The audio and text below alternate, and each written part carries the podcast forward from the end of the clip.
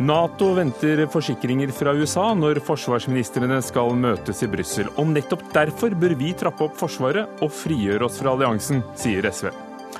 Slutt å stole på meningsmålingene, skriver Aftenposten-redaktør Harald Stanghelle. Men hvem skal vi stole på da? Han kaster stein i glasshus, svarer forsker Bernt Årdal. Og to kvinnelige nordkoreanske agenter skal være dem som har myrdet den eldre halvbroren broren til Nord-Koreas øverste leder, Kim Jong-nam.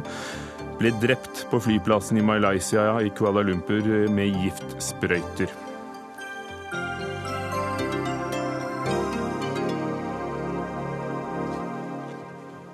Og samenes nasjonaldag bør bli fridag på lik linje med 17. mai, mener eh, Saltdal-ordfører. Vi har nok fridager, svarer stortingspolitiker. Denne uken møtes forsvarsministrene fra Natos medlemsland i Brussel, og høyt på agendaen står spørsmålet om penger. Medlemslandene har som mål å bruke 2% av bruttonasjonalprodukt på forsvar innen 2024. Et mål som er blitt enda viktigere etter at USAs president eh, Donald Trump har signalisert at Europa må ta en større del av alliansens regning. I dag er det bare fire land utenom USA som har nådd målet. Tormod Heier, oberstløytnant ved Forsvarets høgskole. 2% av BNP, er det oppnåelig? Det er eh, oppnåelig hvis det er eh, politisk vilje blant de europeiske medlemslandene til å sette av penger til dette. sånn. Men jeg tror først og fremst at dette er mye eh, symbolikk i dette tallet. For å kommunisere til Russland om at alliansen står sammen, de er beredt på å møte den opprustningen som skjer i øst. Men hvis vi ser på de landene som ligger nærmere Russland i dag, så er det ikke så veldig mange av de som faktisk øker forsvarsbudsjettene likevel. Så jeg tror nok at de er mye mer opptatt av andre sosiale problemer internt i sitt eget land. Vil det utgjøre en praktisk forskjell, tross alt? Til en viss grad, men jeg tror ikke jeg skal overvurdere den effekten. Fordi eh, det viser seg at det store militære organisasjoner, enten det er i Norge eller i andre Nato-land, hvis de får veldig mye penger over kort tid, så viser det seg at de klarer ikke å bruke de pengene på en vettu, fornuftig og langsiktig måte. Det blir ofte sånne trekkspilleffekter innad i disse militære organisasjonene som gjør at pengene blir eh, veldig ineffektivt brukt. Så jeg tror det, det viktigste er å ha til enhver tid langsiktighet og en forsiktig økning eller forsiktig reduksjon i disse forsvarsbevilgningene. Og I morgen skal Stoltenberg møte USAs eh, forsvarsminister. Er det noe han kan håpe på fra, eh, fra USA? Hva, hva, håper Natos generalsekretær på? Jeg tror han først og fremst eh, håper på en eh, verbal uttalelse som er tydelig, som betyr at USA står ved sine europeiske forpliktelser og ikke skaper uforutsigbarhet og usikkerhet i eh, 26 europeiske medlemsland, som jo bare har USA som den eneste troverdige sikkerhetsgarantisten på det europeiske kontinentet, i møte med et Russland som begynner å rasle mye med sablene de siste årene. Og her er hva Stoltenberg har sagt selv eh, i dag. Jeg forventer å høre det han har fortalt meg tidligere, eh, nemlig at eh, USA er fullt og helt forpliktet av Nato og stiller opp for Nato. Fordi det er viktig for europeisk sikkerhet, men det er også viktig for USA. Den eneste gangen vi har utløst Natos kollektive forsvarsbestemmelse, er etter et angrep på USA 11.9.2001. Og amerikanerne vet at eh, de har venner og allierte i Europa som er av stor verdi eh, for dem. Det var Natos generalsekretær Torgeir Knag Fylkesnes, stortingsrepresentant for eh, Sosialistisk Venstreparti. Du er bekymret for om pengene vi investerer i Nato vil komme oss til gode hvis vi skulle være så uheldige å bli angrepet av et annet land. Men når du hører Jens Stoltenberg her, hva bygger du din bekymring på? Nei, mitt utgangspunkt er egentlig den generelle utviklinga vi ser i verden nå, eh, fra klimakrise til utviklinga i Russland, og nå som en slags eh, katastrofal prikk over i-en Donald Trump som overtar USA med den uberegneligheten som han har varsla i utenrikspolitikken. Og eh, vi må rett og slett bare ta inn over oss at vi er faktisk en helt ny eh, sikkerhetspolitisk situasjon. Så mitt initiativ gikk rett og slett ut på at eh, nå må vi bare ta en ordentlig gjennomgang av den brede sikkerhetspolitikken til Norge. Eh, og mitt, eh, min sterke eh, overbevisning er at vi er et veldig sårbart land, eh, både fra forsvar, matproduksjon, på våre nett og måten vi også generelt er organisert. Så det jeg ønsker å ta til orde for, det er rett og slett en total gjennomgang av norsk sikkerhet. fordi at sånn som verden nå utvikler seg, der vi er gått inn i en tid som er mer usikker, mer eh, sårbar, eh, så trenger vi rett og slett å gjøre det. Det er jo ikke noe nytt at SV er mot norsk medlemskap eh, i Nato. Eh, hva nytt er det du eh, da bringer til torgs? Jeg tror at altså Det jeg bygger videre på her, er jo SV sin, eh, sin, forsvarspolitikk eh, i det store og hele, men den har jo på en måte blitt enda viktigere nå. Altså Vi ønsker en langt mer selvstendig eh, forsvarspolitikk, altså der vi ikke er så avhengig av USA, der Trump har overtatt eh, styringa. Eh, og vi vil ha en langt mer nordisk organisering av, eh, av vårt forsvar. Sånn at vi får et mer regional basert interesse. Og det, jeg mener at den SV sin linje her har ikke bare, er på en måte ikke bare den riktige, men den er faktisk også viktig at vi nå kommer på sporet av når vi ser hvordan utviklinga er. Du representerer jo Troms på Stortinget, og, og skrev om dette først i, på nordnorskdebatt.no og siden tok det opp i Klassekampen uh, i går. Er det spesielt nordområdene du er bekymret for, og Nord-Norge? Der tror nok vi alle her er enig i at det er på tyngdepunktet når det gjelder norsk eh, sikkerhetspolitikk. Eh, hotspoten ligger i nord. Der er de store havområdene.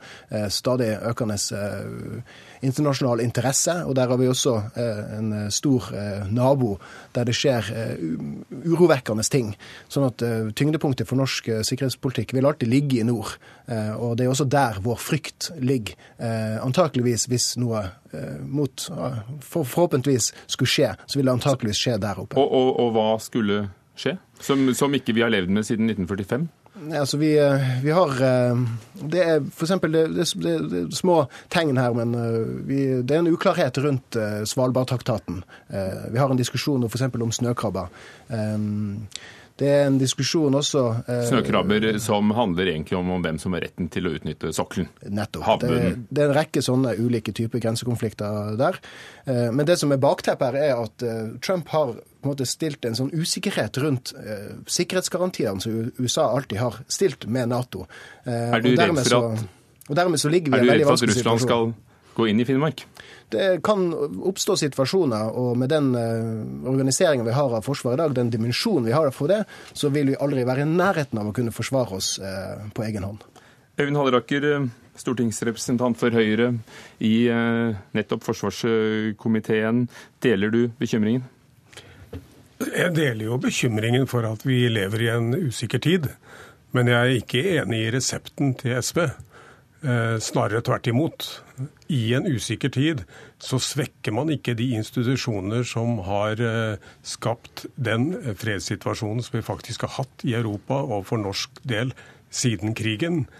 Eh, og det er jo litt paradoksalt at vi altså fra norsk SV, som har vært imot Nato siden de ble stiftet, eh, i denne tiden tar til orde for at den sikkerhetsgarantien som vi har i Nato, nå er de villige til å, å si opp den. Og Det vi ser altså da i andre Nato-land i vårt naboskap, i Baltikum f.eks., vi ser det også i Sverige og Finland, så diskuteres jo, der diskuteres jo om man skal slutte seg til Nato, nettopp pga. usikkerheten. I Baltikum og, og Polen for den saks skyld, så er man svært opptatt av den pilaren Nato nå utgjør i deres eh, sikkerhetspolitikk. Så dette, dette er eh, stikk i strid med det som eh, har vært den norske linjen i veldig mange år. Ikke så veldig overraskende at det kommer fra SV, men at det bringes opp i dagens situasjon, syns jeg er eh, litt pussig. Og så må jo dette også være et, eh, et, tankekors for et Arbeiderparti, som da skal være en regjeringspartner med et SV etter et eventuelt valgseier. For her er du på kollisjonskurs med nettopp Arbeiderpartiet? Så Jeg håper jo at uh, både Arbeiderpartiet og Høyre, som har vært uh, ganske enige i sikkerhetspolitikken og utenrikspolitikken, her kan begynne å tenke seg litt om. Altså vi, Det har skjedd ganske store endringer internasjonalt nå. Uh, det hele det sikkerhetspolitiske farvannet er i ganske svær endring. og Da kan ikke man bare fortsette som om ingenting har skjedd på en autopilot.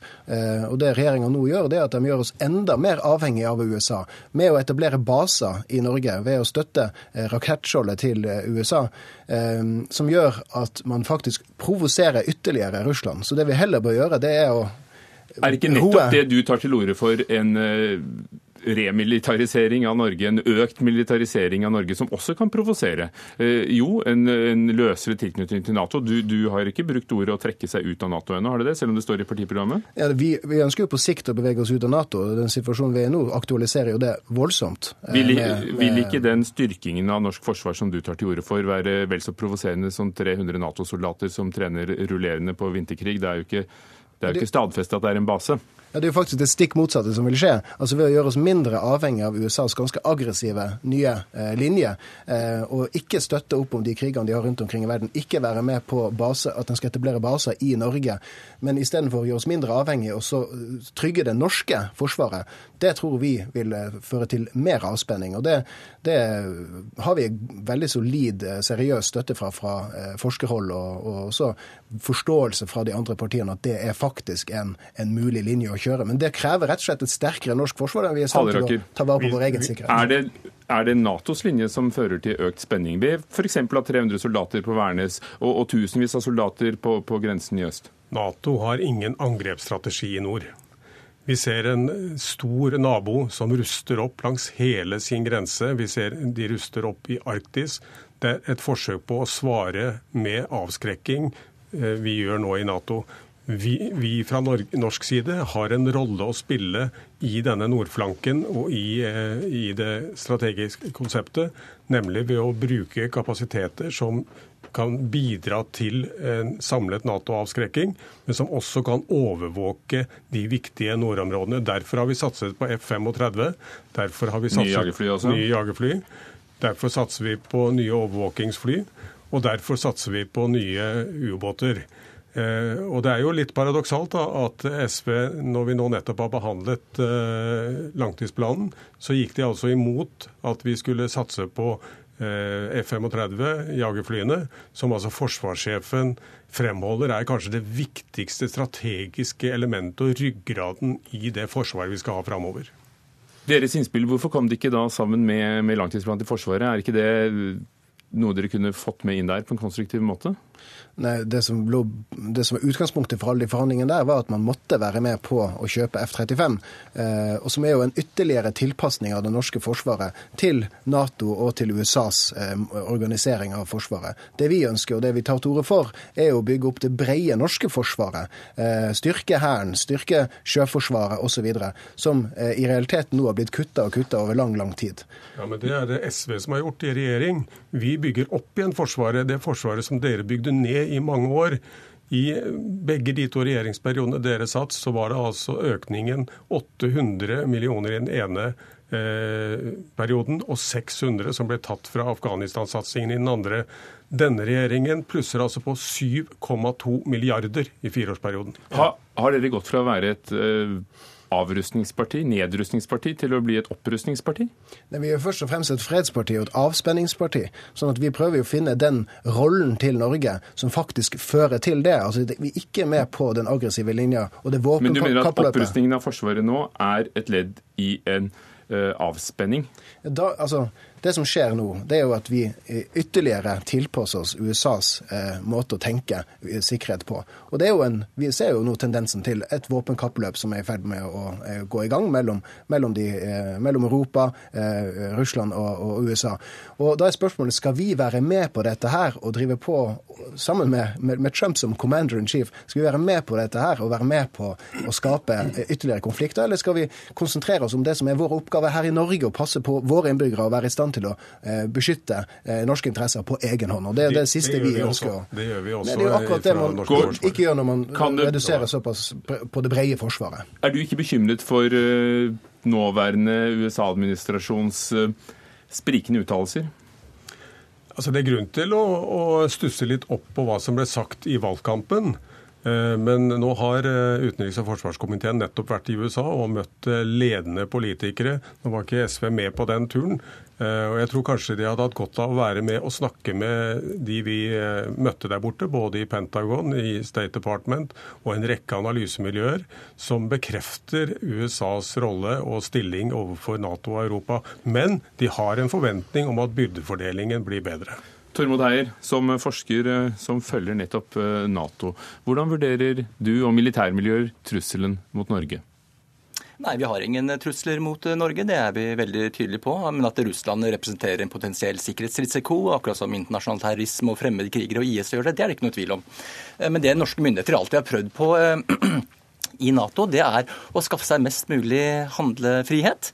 Slik at man hele tiden klarer å balansere og skape så mye nasjonalt handlingsrom fordi vi ligger og balanserer mellom Russland på den ene siden, som må på et sett og vis avskrekkes, men ikke for mye slik at det blir spenning.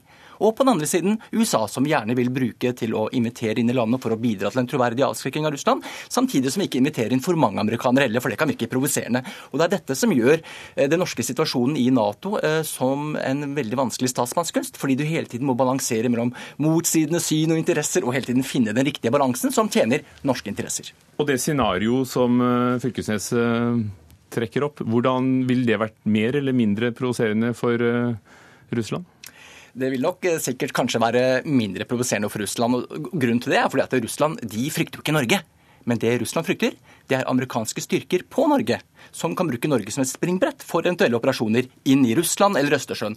Så, eh, men hvis vi skulle ha kjørt en nasjonal linje, så måtte nok eh, forsvarsbudsjettet ha blitt økt betydelig, og mye mer enn det vi har i dag og i fremtiden. Ja, hvordan ligger, ligger, vi an i forhold til la oss si Sverige, som har sin nøytralitetspolitikk? Ja, de, eh, Vi har vel omtrent et Nå har ikke jeg i hodet forsvarsbudsjettet til Sverige, men vi ligger på sånn cirka litt over halvannen prosent, og Sverige ligger også der. Men det vi ser blant disse skandinaviske landene, det er at de har ikke lenger den militære handlefriheten til å løse selv små kriser med Russland alene.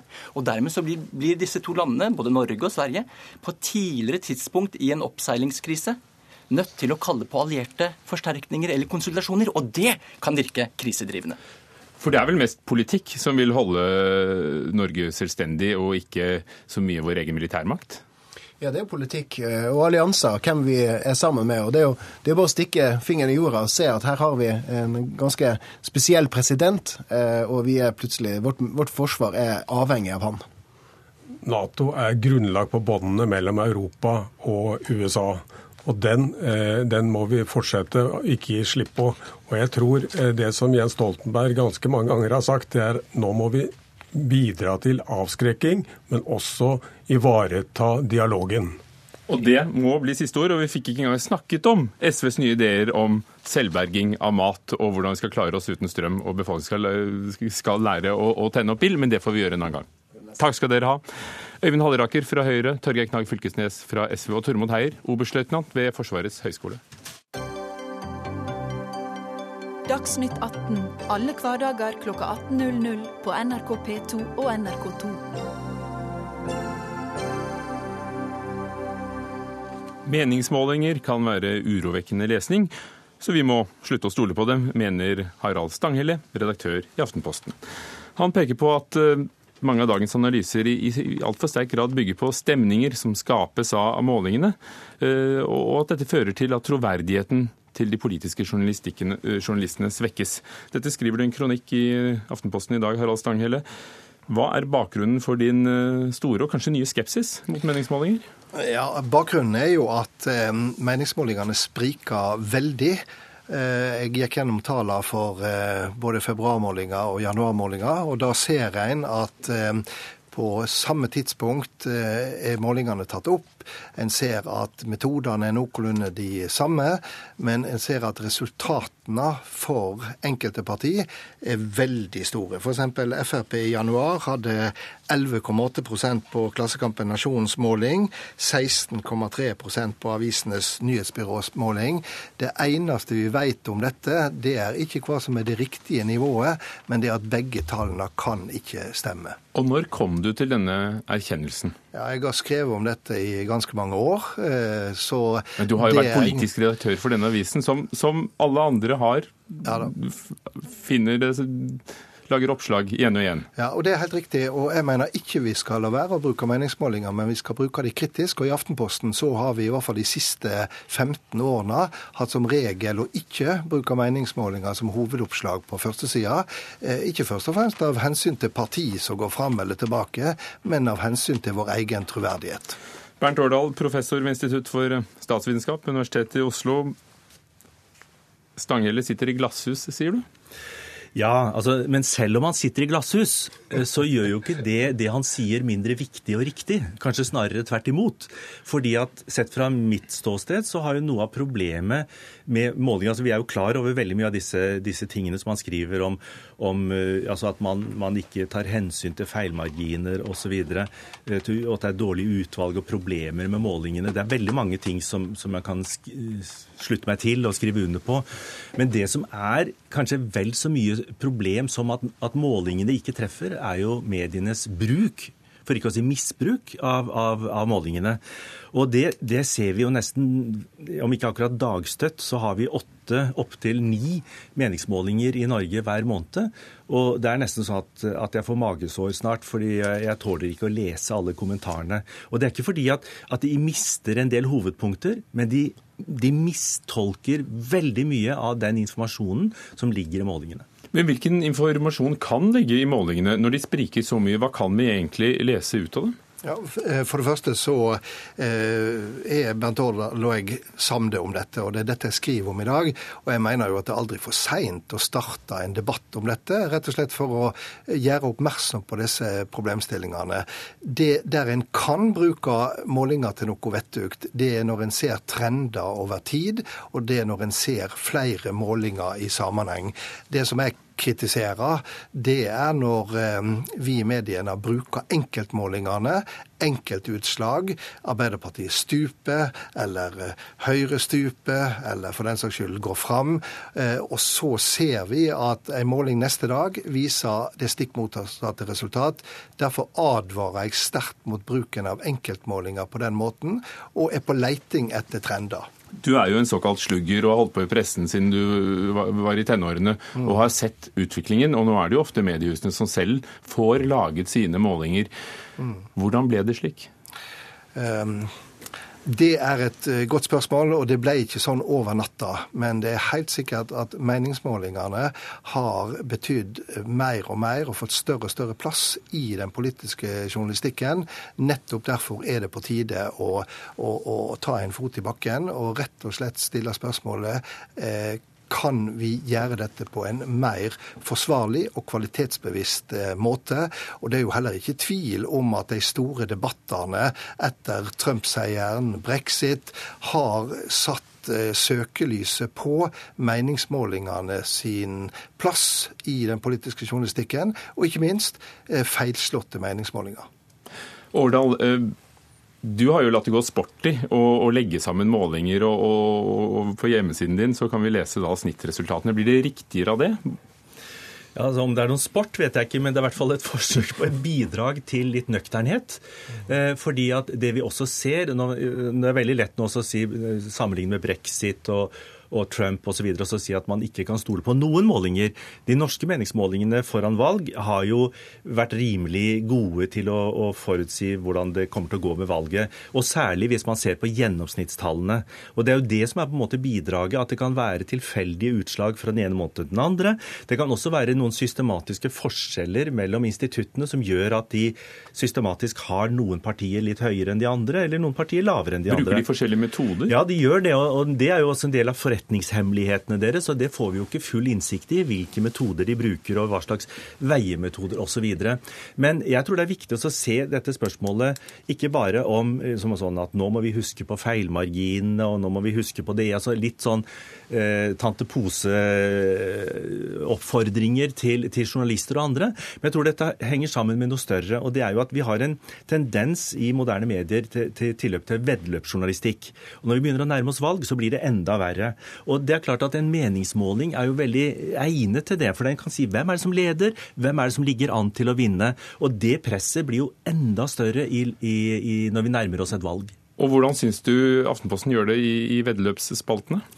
Aftenposten er ikke de verste, men, men, de har også sine svin på skogen. og Det går nettopp det at hvis du betaler for en måling, altså hvis vi da ser bort fra at du ikke kan stole på dem, eh, fordi da er det jo ikke noe vits å betale for dem og presentere noe som helst, men gitt at vi sier at jo da, du kan stole på dem hvis de brukes på en fornuftig måte, så så er det jo selvsagt et, et, et, poeng at når du har en fersk måling, så er det per definisjon en nyhet. Altså Den mediebransjen som har det, gjelder NRK og andre. Og da, da fristes man til å presse den sitronen altfor mye. Stangeli, tror du at uh, målingene og hvordan vi skriver om dem, påvirker selve politikken, eller bare hvordan vi omtaler den? Eh, jeg er helt sikker på at eh, eh, det påvirker stemninga innad i partiene. Det å føle de er i medgang eller i motgang. Som Senterpartiet nå? Ja, nå er Senterpartiet i, i framgang. Og du ser en trend, og det betyr mye for Senterpartiet. Akkurat som når du ser det butta mot på målinger, ja, så skaper det usikkerhet både hos politikere og hos tillitsvalgte. Og det betyr noe.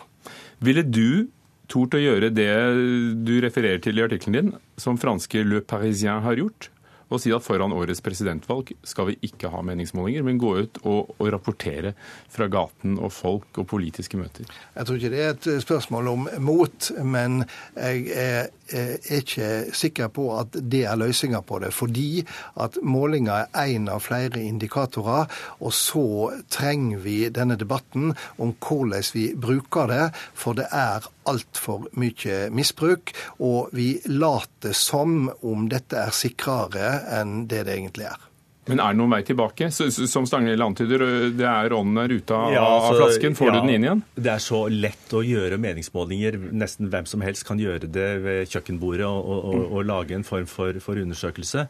Men, men, det ligger jo også noe i dette. Hva er alternativet? Fordi at det, Før man fikk meningsmålinger, så reiste partisekretærene rundt i landet og loddet stemningen. Så kom de tilbake til hovedstaden og fortalte de liksom, hva, hva er stemningen blant folk. Og, og det er jo faren at, at, mediene plutselig kan overta den rollen og liksom fortelle oss hva folk egentlig mener. Så Sånn sett så vil jo meningsmålinger, selv med de svakheter de har, også fungere som et demokratisk korrektiv. For det er jo flere eksempler på at det har vært bevegelse blant folk som ikke representert i elitene, men som fanges opp nettopp ved hjelp av, av meningsmålinger. EF-avstemningen i 72 f.eks. er et eksempel på det. 94 også. Og kanskje det vi snakket om her i Dagsnytt 18 i går, analyseselskapers bruk av store data fra store nettsteder som Facebook, er kanskje det som gir det riktige verktøyet, ikke å ringe 1000 mennesker? Jeg er i hvert fall helt sikker på at eh, heller ikke på dette området skal vi overlate journalistikken i gåseøyne til de sosiale mediene. Eh, vi er nødt til å drive av det, vi som eh, jobber i kvalitetspressa. Men du lover oss at vi ikke ser oppslag om meningsmåling på forsiden av Aftenposten? Ja, Til nå har det vært regelen. Det håper jeg inderlig at vi fortsetter med, eh, også foran dette valget. Det er jo for så vidt et råd som eh, NRK, Dagsrevyen, kunne ta, legge seg litt på, på minnet. For der har man brukt det som hovedoppslag. Og, og... Ser man det? Ja. Der kan ikke vi svare nå. Nei. Takk skal dere ha. Bernt Årdal, professor ved Universitetet i Oslo. Harald Stanghelle, redaktør i Aftenposten.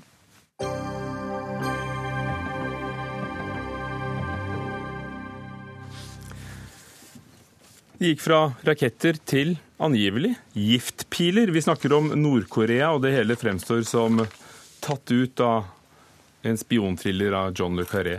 Med giftsprøyter er altså den eldre halvbroren til Nord-Koreas leder Kim Jong-un eh, myrdet i Kuala Lumpur i Malaysia. Det skal ha skjedd i går, og ifølge sørkoreanske medier ble Kim Jong-nam myrdet av to kvinnelige agenter.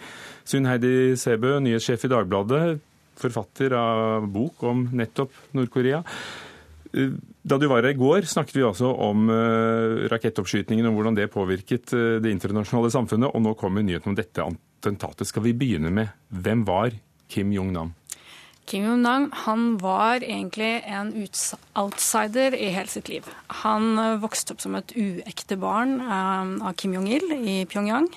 På det tidspunktet han ble født, så prøvde Kim Jong-il å holde det skjult for faren at han i det hele tatt hadde fått barn med denne skuespillerstjernen.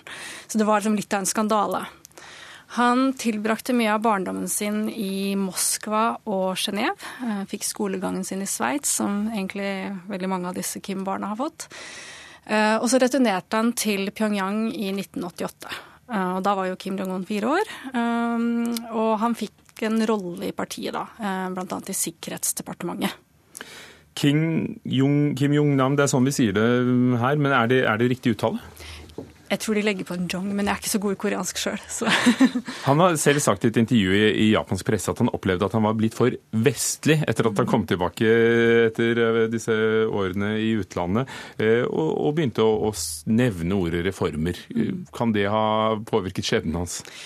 Absolutt. Um, det jeg liksom har lest litt om, er jo at han bl.a. skal, da han var i Sikkerhetsdepartementet og i partiet, så skal han ha tatt til orde for en litt løsere, ledigere grensepolitikk. Han skal ha ønska å um, tilrettelegge bruk av liksom, Nord-Koreas lukkede internett, sånn at liksom, flere kunne ta del i det. Um, og så hadde han ikke minst da et veldig nært forhold til onkelen Jang Song-tak, som ble henrettet i 2013. Hvor sikre kan vi være på at det er eh, Nord-Korea som står bak? Jeg tror vi kan være ganske sikre på det. Eh, Men de sier jo selv, hør her, eh, at Jung-nam ble offer for matforgiftning pga. de grisete matvannene som malayserne har. Jeg tror vi må tolke det som en bekreftelse på at Kim Jong-nam er død. Og jeg tror nok ikke at han får en akutt matforgiftning på flyplassen som gjør at han faller om. Jeg, jeg, jeg tror dette, vi snakker om en henrettelse her. Men hva kan uh, dagens leder ha til å, frykte fra sin eldre halvbror, som, som, jo levde sitt eget liv i utlandet? Jeg tror det er vanskelig å se for seg at han egentlig var en reell trussel. Men som jeg sa, så hadde han dette nære forholdet til onkelen Jong Song-tek. Og det er litt interessant fordi at eh, onkelen var den som i sin tid ivaretok forholdet til Kina. Og Kim Jong-nam har jo bodd mye i Kina, og det har vært spekulasjoner rundt at Kina holdt en slags beskyttende hånd over han, for at han skulle være i tilfelle et sånn mer akseptabelt alternativ da, til Kim Jong-un. Det er jo én mulig tanke. Og så har også Kim Jong-nam-familien eh, på morssiden gjort seg veldig upopulær. Um, han selv har jo gitt intervju hvor han har snakket rett ut mot regimet og Kim Jong-un. Og det har også flere av hans slektninger som har hoppet av og flykta til Sør-Korea. Og sånt faller jo åpenbart ikke i god jord. Hvis vi ser det i sammenheng med det vi snakket om i Dagsnytt 18 i går, nemlig utskytingen av, av, raketten uh, på vei mot Japan, nettopp mens Japans statsminister møtte Donald Trump i, USA, betyr det at Kim Jong-un uh, strammer grepet? Det viser at han har et veldig sterkt grep om makta, eh, og at han åpenbart eh, er ute etter å demonstrere nettopp det. At han, har, at han er veldig mektig, at han har god styring på landets forsvar og våpenteknologi, og at han ikke går av veien for å gjøre utrensninger. Og det har han jo vist eh, tidligere også, både gjennom onkelen og andre utrensninger i partiapparatet. Um, han, jo, han, måtte jo forlate landet da han ble tatt i eh, Japan på vei til Disneyland i Tokyo med et falsk pass. Mm. Hva var den historien? Det var jo, Da gjorde han seg jo selv til verdenskjendis. Uh, han kom til Narita-flyplassen um, med et pass som var noe så sjeldent som kinesisk-dominikansk, og utga seg for å hete Pan Chong, uh, og ønsket da å ta med seg familien sin til Disneyland i Tokyo. Um, japansk etterretning var blitt tipsa på forhånd, så de var veldig klare til å fange han opp. Og det varte vel ca. en time ut i avhør før han tilsto at jeg er, jeg er sønn av Kim Jong-il. Og, og, hvis Kina har holdt sin beskyttende hånd over ham, så gjorde de i hvert fall en slett jobb på flyplassen i Kuala Lumpur i, i går. Eh, men han har jo en sønn, født i 95. Er det fare for hans liv? Er det andre i familien som begynner å, å kikke seg over skulderen etter skumle mennesker med giftpiller? Jeg tenker at eh, Jeg vet ikke om jeg vil si at, ligger, at han har noen sånn umiddelbare planer om det, men jeg, jeg vil absolutt si at de, de, nok føler at de lever utrygt. Fordi um, for det første så er det sånn at når han gjennomfører utrenskninger, så har det ofte skjedd i bølger. Sånn at man tar ut flere av gangen. Um, og de har jo også henrettet Kim Jong-nams fetter, som hoppet av til Sør-Korea. Han ble skutt og drept i 1997. Så en etablert praksis. Ja. Takk skal du ha, Sunn Heidi Sebo, nyhetssjef i Dagbladet, som følger nettopp Nord- og Sør-Korea. Det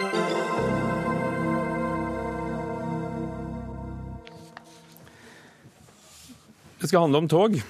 NSB gjør seg klare for konkurranse og skal kutte budsjettene med 1 milliard kroner, som vi hørte i Dagsrevyen i går.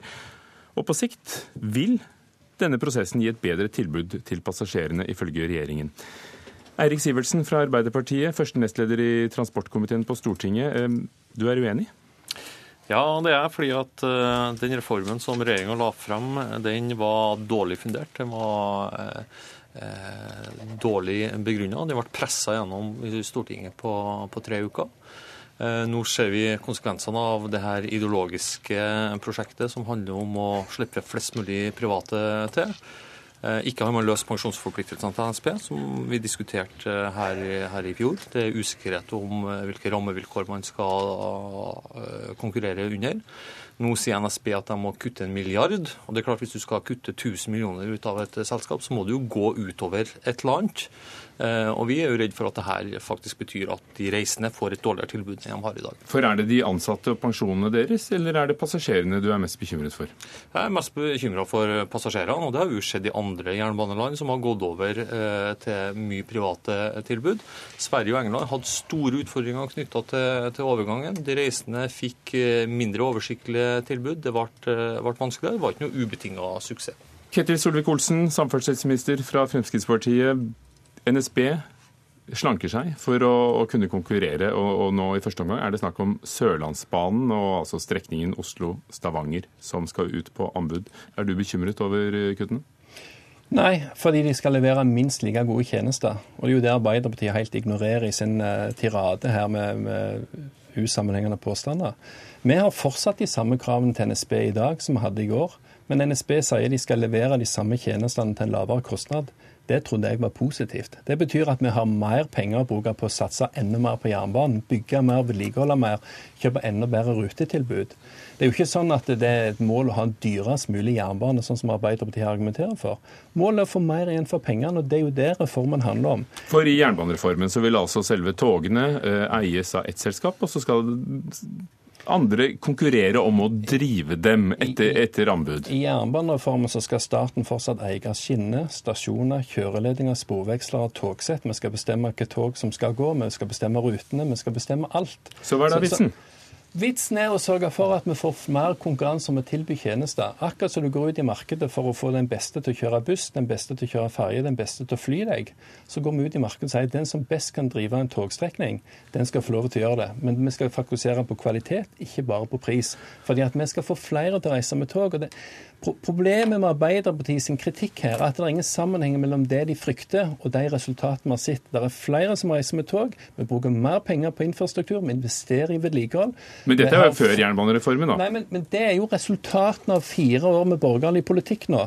Under rød-grønn regjering så forfalt jernbanen hvert år. Forfallet var økt når året var slutt i forhold til når året begynner. Nå er det nok å ta tak i. Skal vi gi ordet til Eirik Sivertsen? Ja, samtlige fire år vi har styrt, så har forfallet gått ned. Vi har investert mer, vi kjøper nye togsett. Det er flere avganger, og folk er mer fornøyd med NSB nå enn før.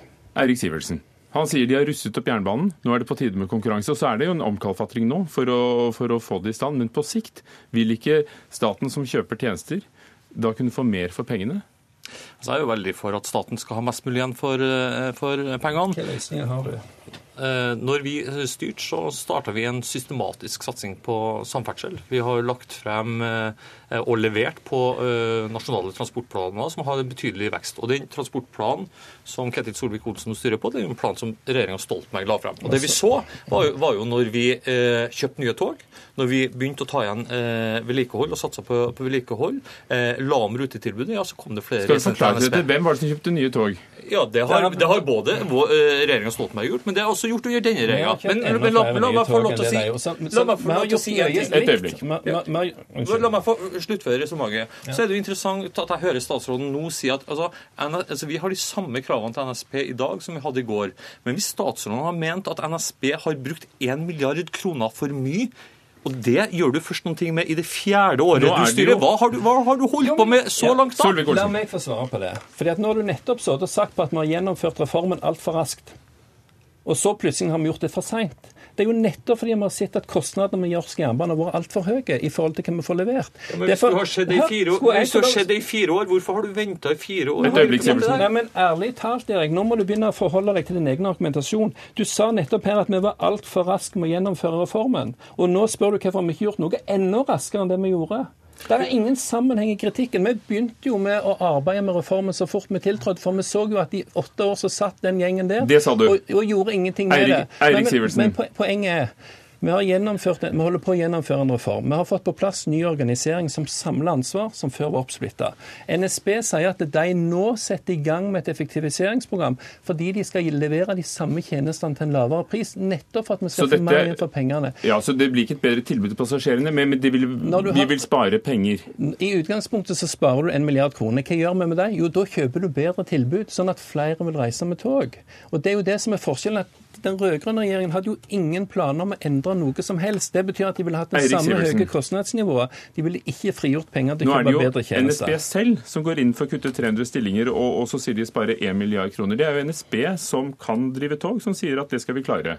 Og, og det er vel det en faglig vurdering de gjør, øh, hvor de da mener seg i stand til å kunne konkurrere om, om statlige kontrakter. Ja, nå har NSB bedt om en avklaring på hva de skal gjøre med de pensjonsforpliktelsene eh, de eh, har, eh, som de må dra med seg inn i konkurransen, som gjør at, ifølge en BU-professor som var i dette studioet i fjor høst, at ja, NSB Det vil skal ha løse. Ja. Det skal vi løse. Ja, jeg, jeg skal stille deg spørsmål også, for jeg vil gjerne vite hvor den, Skal vi bare oppklare det? Hvor står den saken? Hva gjør, for hvis noen andre Den- vinner et anbud, så er det meningen ja. at det skal bli en virksomhetsoverdragelse. Vi- vi sagt- Hva gjør NSB da med sine Vi, forpliktelser? jo, vi har sagt at vi skal sørge for at NSB kan konkurrere på like vilkår som alle andre. Ingenting er kulere enn om du får NSB og Flytoget eksempel, til å konkurrere om hvem som kan kjøre Sørlandsbanen best og billigst. Men Hva er vitsen med to statlige aktører som konkurrerer om det billigste at, anbudet? fordi at konkurranse får fram det beste i, i aktørene. og Det sier jo òg NRK, at det å få TV 2 på banen var jo med å skjerpe NRK. Det å få eh, ekspressbusser langs eh, Sørlandsbanen var noe som skjerpa NSB på 90-tallet. Så Her handler det jo om å sørge for at du får, får ny kreativ eh, ledelse som ser på nye ideer, rett og slett fordi at de blir målt mot noen andre. Men uansett hvor mye eh, kritikk som kommer fra Syvertsen her, både nå har jeg gjort ting for kjapt og for seint. Sivertsen, Ja. for kjapt og for sent. Hva ville du sagt hvis behandling på Stortinget var, tok lengre tid, som ville overbevist eh, Stortinget om at vi ikke skulle gå for jernbanereformen på denne måten? Men min kritikk var knytta først og fremst til at den utredninga er dårlig faglig eh, fundert. Den skisserer ikke alternativ. Det er også en kritikk som vi har et øyeblikk det, det er også en kritikk vi framsatte at når den kom til Stortinget, så insisterte eh, partiene på at den skulle presses gjennom bare på, bare på eh, tre uker. Men vi mener jo at det som er viktig nå for å sørge for bedre tilbud for de reisende, i å fortsette den satsinga vi starta på. Kjøpe flere nye tog, Alt dette sa du. ruste opp Men hvordan kan, hvis vi da får Det er snakk om å prekvalifisere mengde selskaper, rundt ti selskaper, til å konkurrere om Sørlandsbanen i første omgang. Vil ikke det være trolig at NSB, Flytoget, men også svenske, svenske jernbaner og, og franske tilbydere vil kunne drive det enda mer fornuftig? Ja, men hvis det er sånn at staten skal eie skinnene, staten skal eie togene, staten skal eie sporvekslerne, strømledningene, bestemme når togene skal uh, gå, hvor store gevinster, hvor stort effektiviseringspotensial er igjen da? Det, altså, det, er jo ikke snakk om at vi har veldig mye dobbeltspor i Norge, så det blir jo ikke flere tog som kjører ved siden av hverandre. Dette blir jo en konkurranse i et eh, naturlig monopol. Der fungerer ikke markedsmekanismene spesielt Kort til deg, før vi prøver oss på en slags fasit. Hvordan vil vi merke det? For det første, rundt Oslo så er kapasiteten relativt sprengt. Men det mange- legges jo ikke ut på andre anbud. Men nettopp, men mange andre steder så er det ledig kapasitet. Derfor er det mulig å få konkurranse med å få flere avganger enn det er i dag. For det andre, Denne reformen er godt fundert. Det har vært utredninger til og med under rød-grønn regjering som satte i gang utredninger for hva de skulle gjøre. Det er bare de ville ikke gjøre noe med det, selv om problemene ble klart definert fra en samla jernbanefaglig bakgrunn. Vi grep fatt i det. Dette har vært utredet i lang tid før Stortinget fikk det til behandling, og Stortinget gjorde gode vedtak og hadde god mulighet til å sette seg inn i saken. La oss snakke tog. Ja. Før du går videre, du skal få ord igjen. Kjell Werner Johansen, assisterende direktør i Transportøkonomisk institutt, som forsker nettopp på, på jernbane. For passasjerene, hvordan vil vi merke forskjell etter at la oss si Arendalsbanen, Sørlandsbanen og Jærbanen blir uh, utsatt for konkurranse? Ja, og jo Passasjerene i utgangspunktet de vil kjøre med de samme togene og omtrent de samme rutetabellene. Det er jo litt opp til hvordan, hva, hva disse selskapene tilbyr.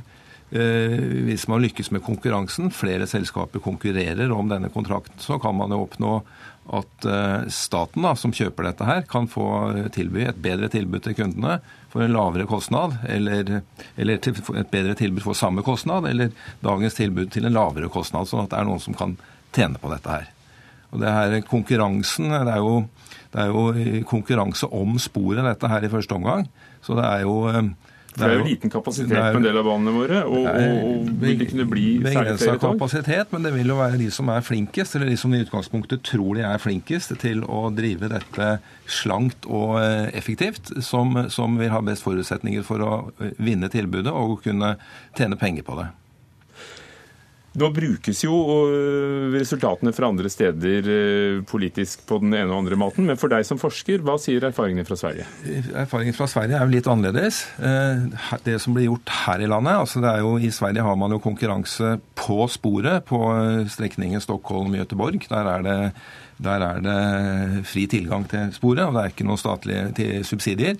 Ellers er det jo regionene som har ansvaret for eh, lokaltogtilbudet i det statlige kjøpet av persontog i, i, i, Sverige. De har vel hatt eh, De stiller så vidt jeg vet med eget materiell. Eh, det har vært trøbbel eh, med det. Altså Jernbanemateriell er ikke noe du går til holdt på å si, bruktogforhandleren på hjørnet og, og, og kjøper. Her skal staten overta et vognselskap som skal eie materiellet og stille det til disposisjon de som, til de som skal drive det. Eh, billettsalget skal, eh, så vidt jeg forstår, være også et sånn statlig selskap som er regulert og kontrollert, sånn at man unngår de store problemene man har hatt i Storbritannia f.eks., hvor det er helt kaos for kundene å orientere seg i, og i Sverige må du gå til hvert selskap og kjøpe billett. Men er det noen strekninger i Norge som ville kunne lønt seg å drive? Nei. Så enkelt er det? Nei, Det var litt kjapt, men jeg tror det er, eh, det er nok lite i Norge. Vi hadde sett på dette her på alle strekningene i Norge for noen år siden. og Litt avhengig av hvilke kostnader som henføres hvor, så er det, vel, er det vel muligheter på noen av disse lengre strekningene da, hvor man kan utnytte materiell og personell ganske, ganske bra. Men eh, jeg tror nok at vi fortsatt skal bruke statens midler til å kjøpe persontogtjenester i Norge. Og hvis du da uh, får kjørt uh, løpet jernbanereformen, hvordan vil du bruke de millionene du, du, jo håper skal bli frigjort, fordi det skal koste mindre å kjøpe de samme tjenestene? Det vil vi gjøre med å kjøpe mer tjenester. Fordi at vi vil at flere skal reise med tog, spesielt inn og ut av de store byene. Og Det er jo derfor vi kjøper mer togsett nå. Det er riktig at Arbeiderpartiet begynte å kjøpe nye togsett når de styrte. Vi har fornya og forsterka de kontraktene. Det er riktig at Arbeiderpartiet begynte å vedlikeholde litt, men de vedlikeholdt ikke nok. Forfallet økte hvert år under rød-grønn regjering. Du sa det, men du mener jo. at det vil bli mer vedlikehold og mer investering? Ja, fordi, og det har vi vist allerede. Vi kutter forfallet der det økte under forrige regjering. Men, men poenget her er at i Sverige så har du altså lokalregionene som styrer jernbanen. Vi skal ha staten som styrer jernbanen. Da får du ett system. I Sverige så har du mange aktører, du har ulike billettsystem. I Norge skal vi ha ett billettsystem. I England så hadde du det samme. Du hadde kaos når de begynte. Så dere har lært av de ja, andre landene? Vi har lært. Jeg har vært, jeg har vært snakket selv med, med jernbaneledelse i Sveits, i Østerrike, i Tyskland, i, i, eh, i, England, i Sverige, nettopp for å lære av dette. Det norske systemet er ikke likt noen av de andre, men vi har henta de gode elementene fra Sveits med langsiktig strategisk planlegging. Det ligger i Jernbanedirektoratet. Så har vi det at vi skal ha ett sentralt struktur. Det er Bane Nor, som skal eie alt det fysiske. Det er nettopp fordi du ikke skal ha ulike aktører med ulik standard og alt dette her. Sånn at når de peker på Sverige og England, så er det ikke vår reform de peker på. Vår reform er like mye eh, Sveits og Tyskland. Men Tyskland har òg stor grad av konkurranseutsetting. Men husk, England er det landet som har størst vekst i antallet passasjerreisende. Så når Arbeiderpartiet skremmer med England, så er egentlig England blitt en suksess. Men der er det snakk om å, å renasjonalisere hele jernbanen? Nei, det er ikke riktig. Men én strekning har de hatt store problemer. og Da har opposisjonen skal det La oss ja. høre. Eirik Sivertsen fra Arbeiderpartiet. Når du hører forskeren her, hva, og, og, du hører forskjellene fra, fra Sverige, hva tror du? Høres det så ille ut som du, du frykter? Nei, men altså, det det er fristende å dra en parallell til, til, drosjemarkedet, der også man i Oslo har drevet store eksperimenter og sagt at ok, bare du får nok tilbydere, så vil det bli et bedre tilbud. Her viser jo, uh, nå er ikke helt parallelt, men her viser jo resultatene at prisene har gått, gått opp, og tilbudet har blitt dårligere. Du har fått flere aktører. Kan du, men for å, for å kan du Er det for sent å, å stanse toget nå? Fordi 1.4 skal det være prekvalifisering, og, og deretter så er det meningen at kontraktene skal underskreves nærmere jul. Vil hvis dere skulle havne i regjering, hva ville dere gjort med jernbanereformen? Altså, vi er jo opptatt av å la oss inspirere av store jernbaneland som Tyskland, eh, Frankrike, Østerrike, som har andre modeller, andre måter å eh, løse det eh, på. Så, Så dere vil også konkurranseutsette, altså? Sånn som nei, de, de begynner så smått å gjøre nei, i Frankrike og nei, Tyskland? Nei, men det finnes jo flere sider, sider enn bare konkurranseutsetting. Det handler jo noe om å ha integrerte selskaper, der du faktisk har et selskap som i et konsern, noen som eier skinner og infrastruktur, noen, noen som drifter ha mer, mer hel, helhet Så dere vil sette på bremsen og, og ja, danse det hele? Vi mener at ulempene er større enn fordelene med jernbanereformen. Vi ønsker en annen politikk der de reisende eh, får et bedre tilbud gjennom at vi investerer i nye tog, bygger mer skinner og tar Det er dere enige om begge to. Jeg har et spørsmål. Ja helt banalt, kan det lønne seg? For her er det da konsulenttjenester, omlakkering av alle tog. Alle stolene vil måtte trekkes om hvis noen andre skulle vinne anbudet NSB, for der er logoen vevd inn. Alt dette her må skje hver gang et anbud skal vinnes og, og, og flyttes på. Kan det lønne seg? Nå er det ikke sånn at du skal ha anbud hvert år. Du har anbud med lange lange perioder. Det betyr at sannsynligvis vil du oppgradere togmateriell uansett om det er samme selskap som viderefører det eller ikke. Men det jeg skal garantere, du skal få et bedre tilbud. Du skal ikke øke prisene som følge av dette. ned. Vi skal investere mer i ny jernbane, vi skal investere mer i vedlikehold. Det kommer flere togsett. Vi har overoppfylt alt det Takk. dere har lovt noen gang, og vi ser at passasjerene strømmer på jernbanen. Det er jeg stolt av. Der er eh, toget gått for denne debatten.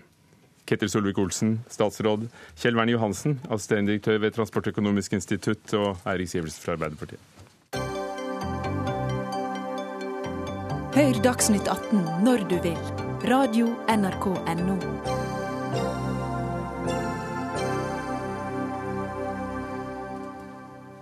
For 100 år siden, altså på dagen 6.2.1917, ble det første samiske landsmøtet holdt i Trondheim. I dag feirer eh, vi samenes nasjonaldag nettopp den 6.2, men i motsetning til feiringen av 17. mai har ikke folk fri. Det mener ordfører i Saltdal at politikerne bør gjøre noe med. Og Rune Berg, ordfører i Saltdal kommune som ligger i Nordland, fra Senterpartiet. Hvorfor bør også samenes nasjonaldag være en fridag for alle? Jo, det bør være for, det, for det, at det samiske folk skal ha den verdigheten som det bør være. For at eh, når du skal feire samefolkets dag på en, eh, på en søndag eh, den 5. februar, og den egentlige feiringa er den 6. Og til neste år så er samefolkets dag på en, en, tirsdag, og skal vi feire på det søndagen to dager før, det syns jeg er lite verdig. Så i år falt nasjonaldagen på en mandag, og hva gjorde du med det?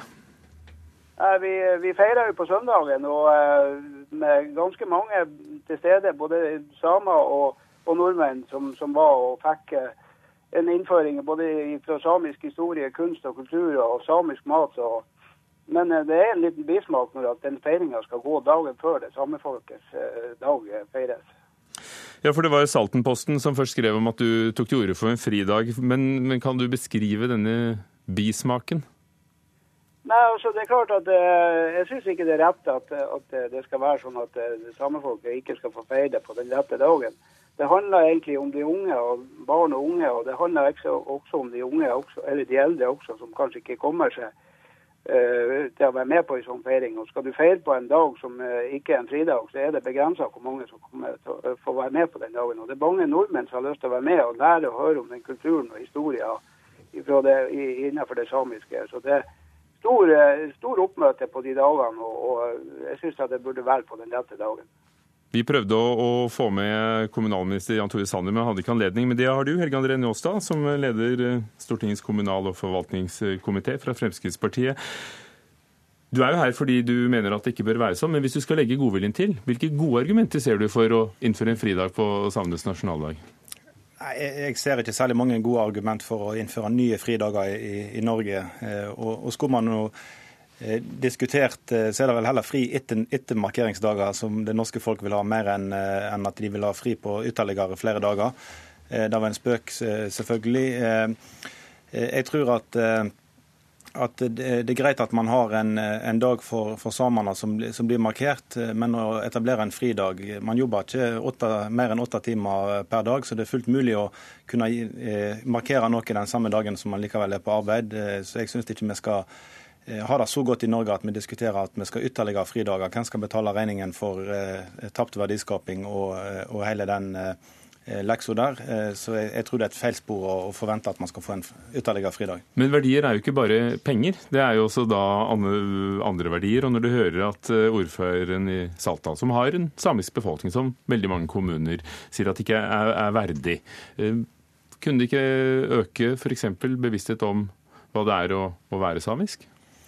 Eh, nå, syns jeg at eh, man har fått bra bevissthet, og man har fått uh, veldig bra bevissthet gjennom den 100-årsmarkeringen som var i, år. Og jeg tror at man setter samisk kultur og, verdier på, kartet gjennom positive tiltak. Hvis vi skulle tvinge hele den norske befolkningen til å ha fri 6.2 hvert år, så tror jeg fort at det hadde blitt en misnøye med Eh, med det samiske. Det store deler av Norge er ikke samisk, og ville da reagert på hvorfor er butikken stengt i dag. Eh, det ville blitt en, eh, en, negativ greie i store deler av landet, så jeg tror det ville vært mot sin hensikt. Så jeg syns at dette er å dra det for langt å forvente at man skal, skal få fri. Hvis ordføreren i Saltdal syns dette er så kjempegod idé, så kan jo han starte med sin egen kommune hvis han vil prioritere det og gi fri til ansatte. Jeg tror ikke, tror ikke han gjør det. Jeg tror kommunen blir dreven 6.2, så dette er nok et symbolinnspill som som jeg tror ikke vi skal ta helt seriøst at man oppriktig mener at man skal eh, innføre en fridag 6.2. Rune, Rune Berg, er det symbolikk for deg? Er det, er det et symbolspill? Altså, jeg syns det er en grei debatt å ta. for at det, eh, Når det er sånn, sånn som det og Det var jo sagt at det, det er 100 år siden, siden Samefolkets dag var starta og det var 100-årsmarkering. og jeg synes at uh, I mange sammenhenger så er vi jo kommet litt videre innenfor det samiske folk, men på mange punkter så er det så er det egentlig ikke skjedd det som burde ha vært. Eh, samene kjemper faktisk enda for en del av de samme sakene som de gjorde for 100 år siden. For du mener, du, mener, du mener alvor, ikke sant? Ja, jeg mener alvor. Hvem skulle tatt regningen? Nei, altså Det må jo samfunnet ta, altså. men jeg syns det er greit å ta en sånn debatt. Skulle vi ofret en annen fridag? Altså Danmark hadde jo avskaffet en del fridager, andre land har også. Jul, påske, pinse, 17. mai, Kristelig himmelfart, 1. mai. Skulle vi ofret en av dem? Ja, det, Den diskusjonen må jo tas da, eventuelt. Da. Det, jeg skal ikke si at det skal være sånn og sånn, men jeg syns det er greit å ta den debatten. og så får vi... Får vi men du må, du må jo ha tenkt på det? Jo, altså, det, jeg, jeg syns jo at vi kan ta den debatten, og så ser vi om at, vi, for at Jeg syns ikke det, det, er verdig at ikke de skal ha den muligheten å ha den dagen. Og det er eh, en dag som havner på en mandag og en tirsdag. Du får ikke den samme feiringa som du får på en, en, en, en helgedag. Fornorskningspolitikken tvang mange samer til å legge bort sin kultur og sine språk. Flere generasjoner samer ble opplært til å tro at det å snakke samisk eller det å være same var skambelagt som måtte ties i hjel. Det sa statsminister Erna Solberg under, under feiringen i år. Mm. Kunne nasjonal fridag være en måte å gjøre opp for fornorskningspolitikken, som var uh, hardhendt? Nei, jeg er enig i at fornorskningspolitikken var hardhendt, og den skjedde heldigvis før Fremskrittspartiet var en del av norsk politikk. Eh, sånn at vi skal ikke ha ansvaret for den fornorskningspolitikk som eh, som eh, statsministeren omtalte der. Eh, og Jeg tror ikke måten å gjøre om på det er å gi en fridag. Eh, måten å, å møte samene på er å likebehandle dem med nordmenn. respektere dem på like fot. og Da handler det ikke om å gi særrettigheter som at man skal ha ytterligere fordeler, men at man skal ha like rettigheter til å ta vare på sitt kulturliv, samfunnsliv og språk. og Der er vi jo virkelig offensive og eh, sier at man skal samarbeide med samiske kommuner om å utvikle språk og kultur, for det er en viktig del av norgeshistorien. Men å si at eh, denne dagen skal være fridag, blir å, å dra det for langt. Og så må vi også minne om at 17. Eh, mai er vår alle felles dag, og gjelder samene. Det er ikke sånn at nordmenn og samer har hver sin dag. 17. mai gjelder for oss alle. Og, og jeg tror det er viktig at skal vi ha felles nasjonale dager, så skal det være noe som gjelder alle nordmenn. Runeberg, i Italia har hver by sin skytshengel og, og har eh, fridager lokalt i byer. Kunne det vært en eh, løsning? Det var jo litt det Njåstad var inne på. Bare gjør det hos deg, så kan Trondheim gjøre det. Kommunene som vil. Ja, altså, det er klart, det, men det, det er jo en politisk sak det òg, om, det om det er lokalt eller, eller sentralt eller regionalt. Så er det jo det samme saken. Men, men det er klart at det, det går an å, å få til noe, i hvert fall i første omgang. å få til, for Jeg tenker spesielt på de barn, barn og unge, og at de får være med på at det kan være en markering som er, som er verdig på en sånn dag. at det, Kunne du gått foran med, med et eksempel i din kommune og gitt alle i kommunen fri? 6. februar neste Ja, år? det, det kan jo ikke her, her nå sitte og si at det skal bestemme å gjøre. Det, må jo, det, må jo, det er jo en politisk runde på det, men, men eh, Han forventer at vi skal gjøre det nasjonalt, men sjøl vil han ikke ta det lokalt. Det viser jo bare at dette er lite gjennomtenkt. Ja, nei, altså, jeg vil ha den debatten. Vi må takke for denne politiske runden her. Så brutalt er det. Rune Berg, ordfører i Saltdal fra Senterpartiet. Helge André Njåstad fra Fremskrittspartiet. Ida Tune Ørisland var ansvarlig for Dagsnytt 18. Frode Thorshaug, teknisk ansvarlig. Ugo Fermarello, programleder. Takk for det.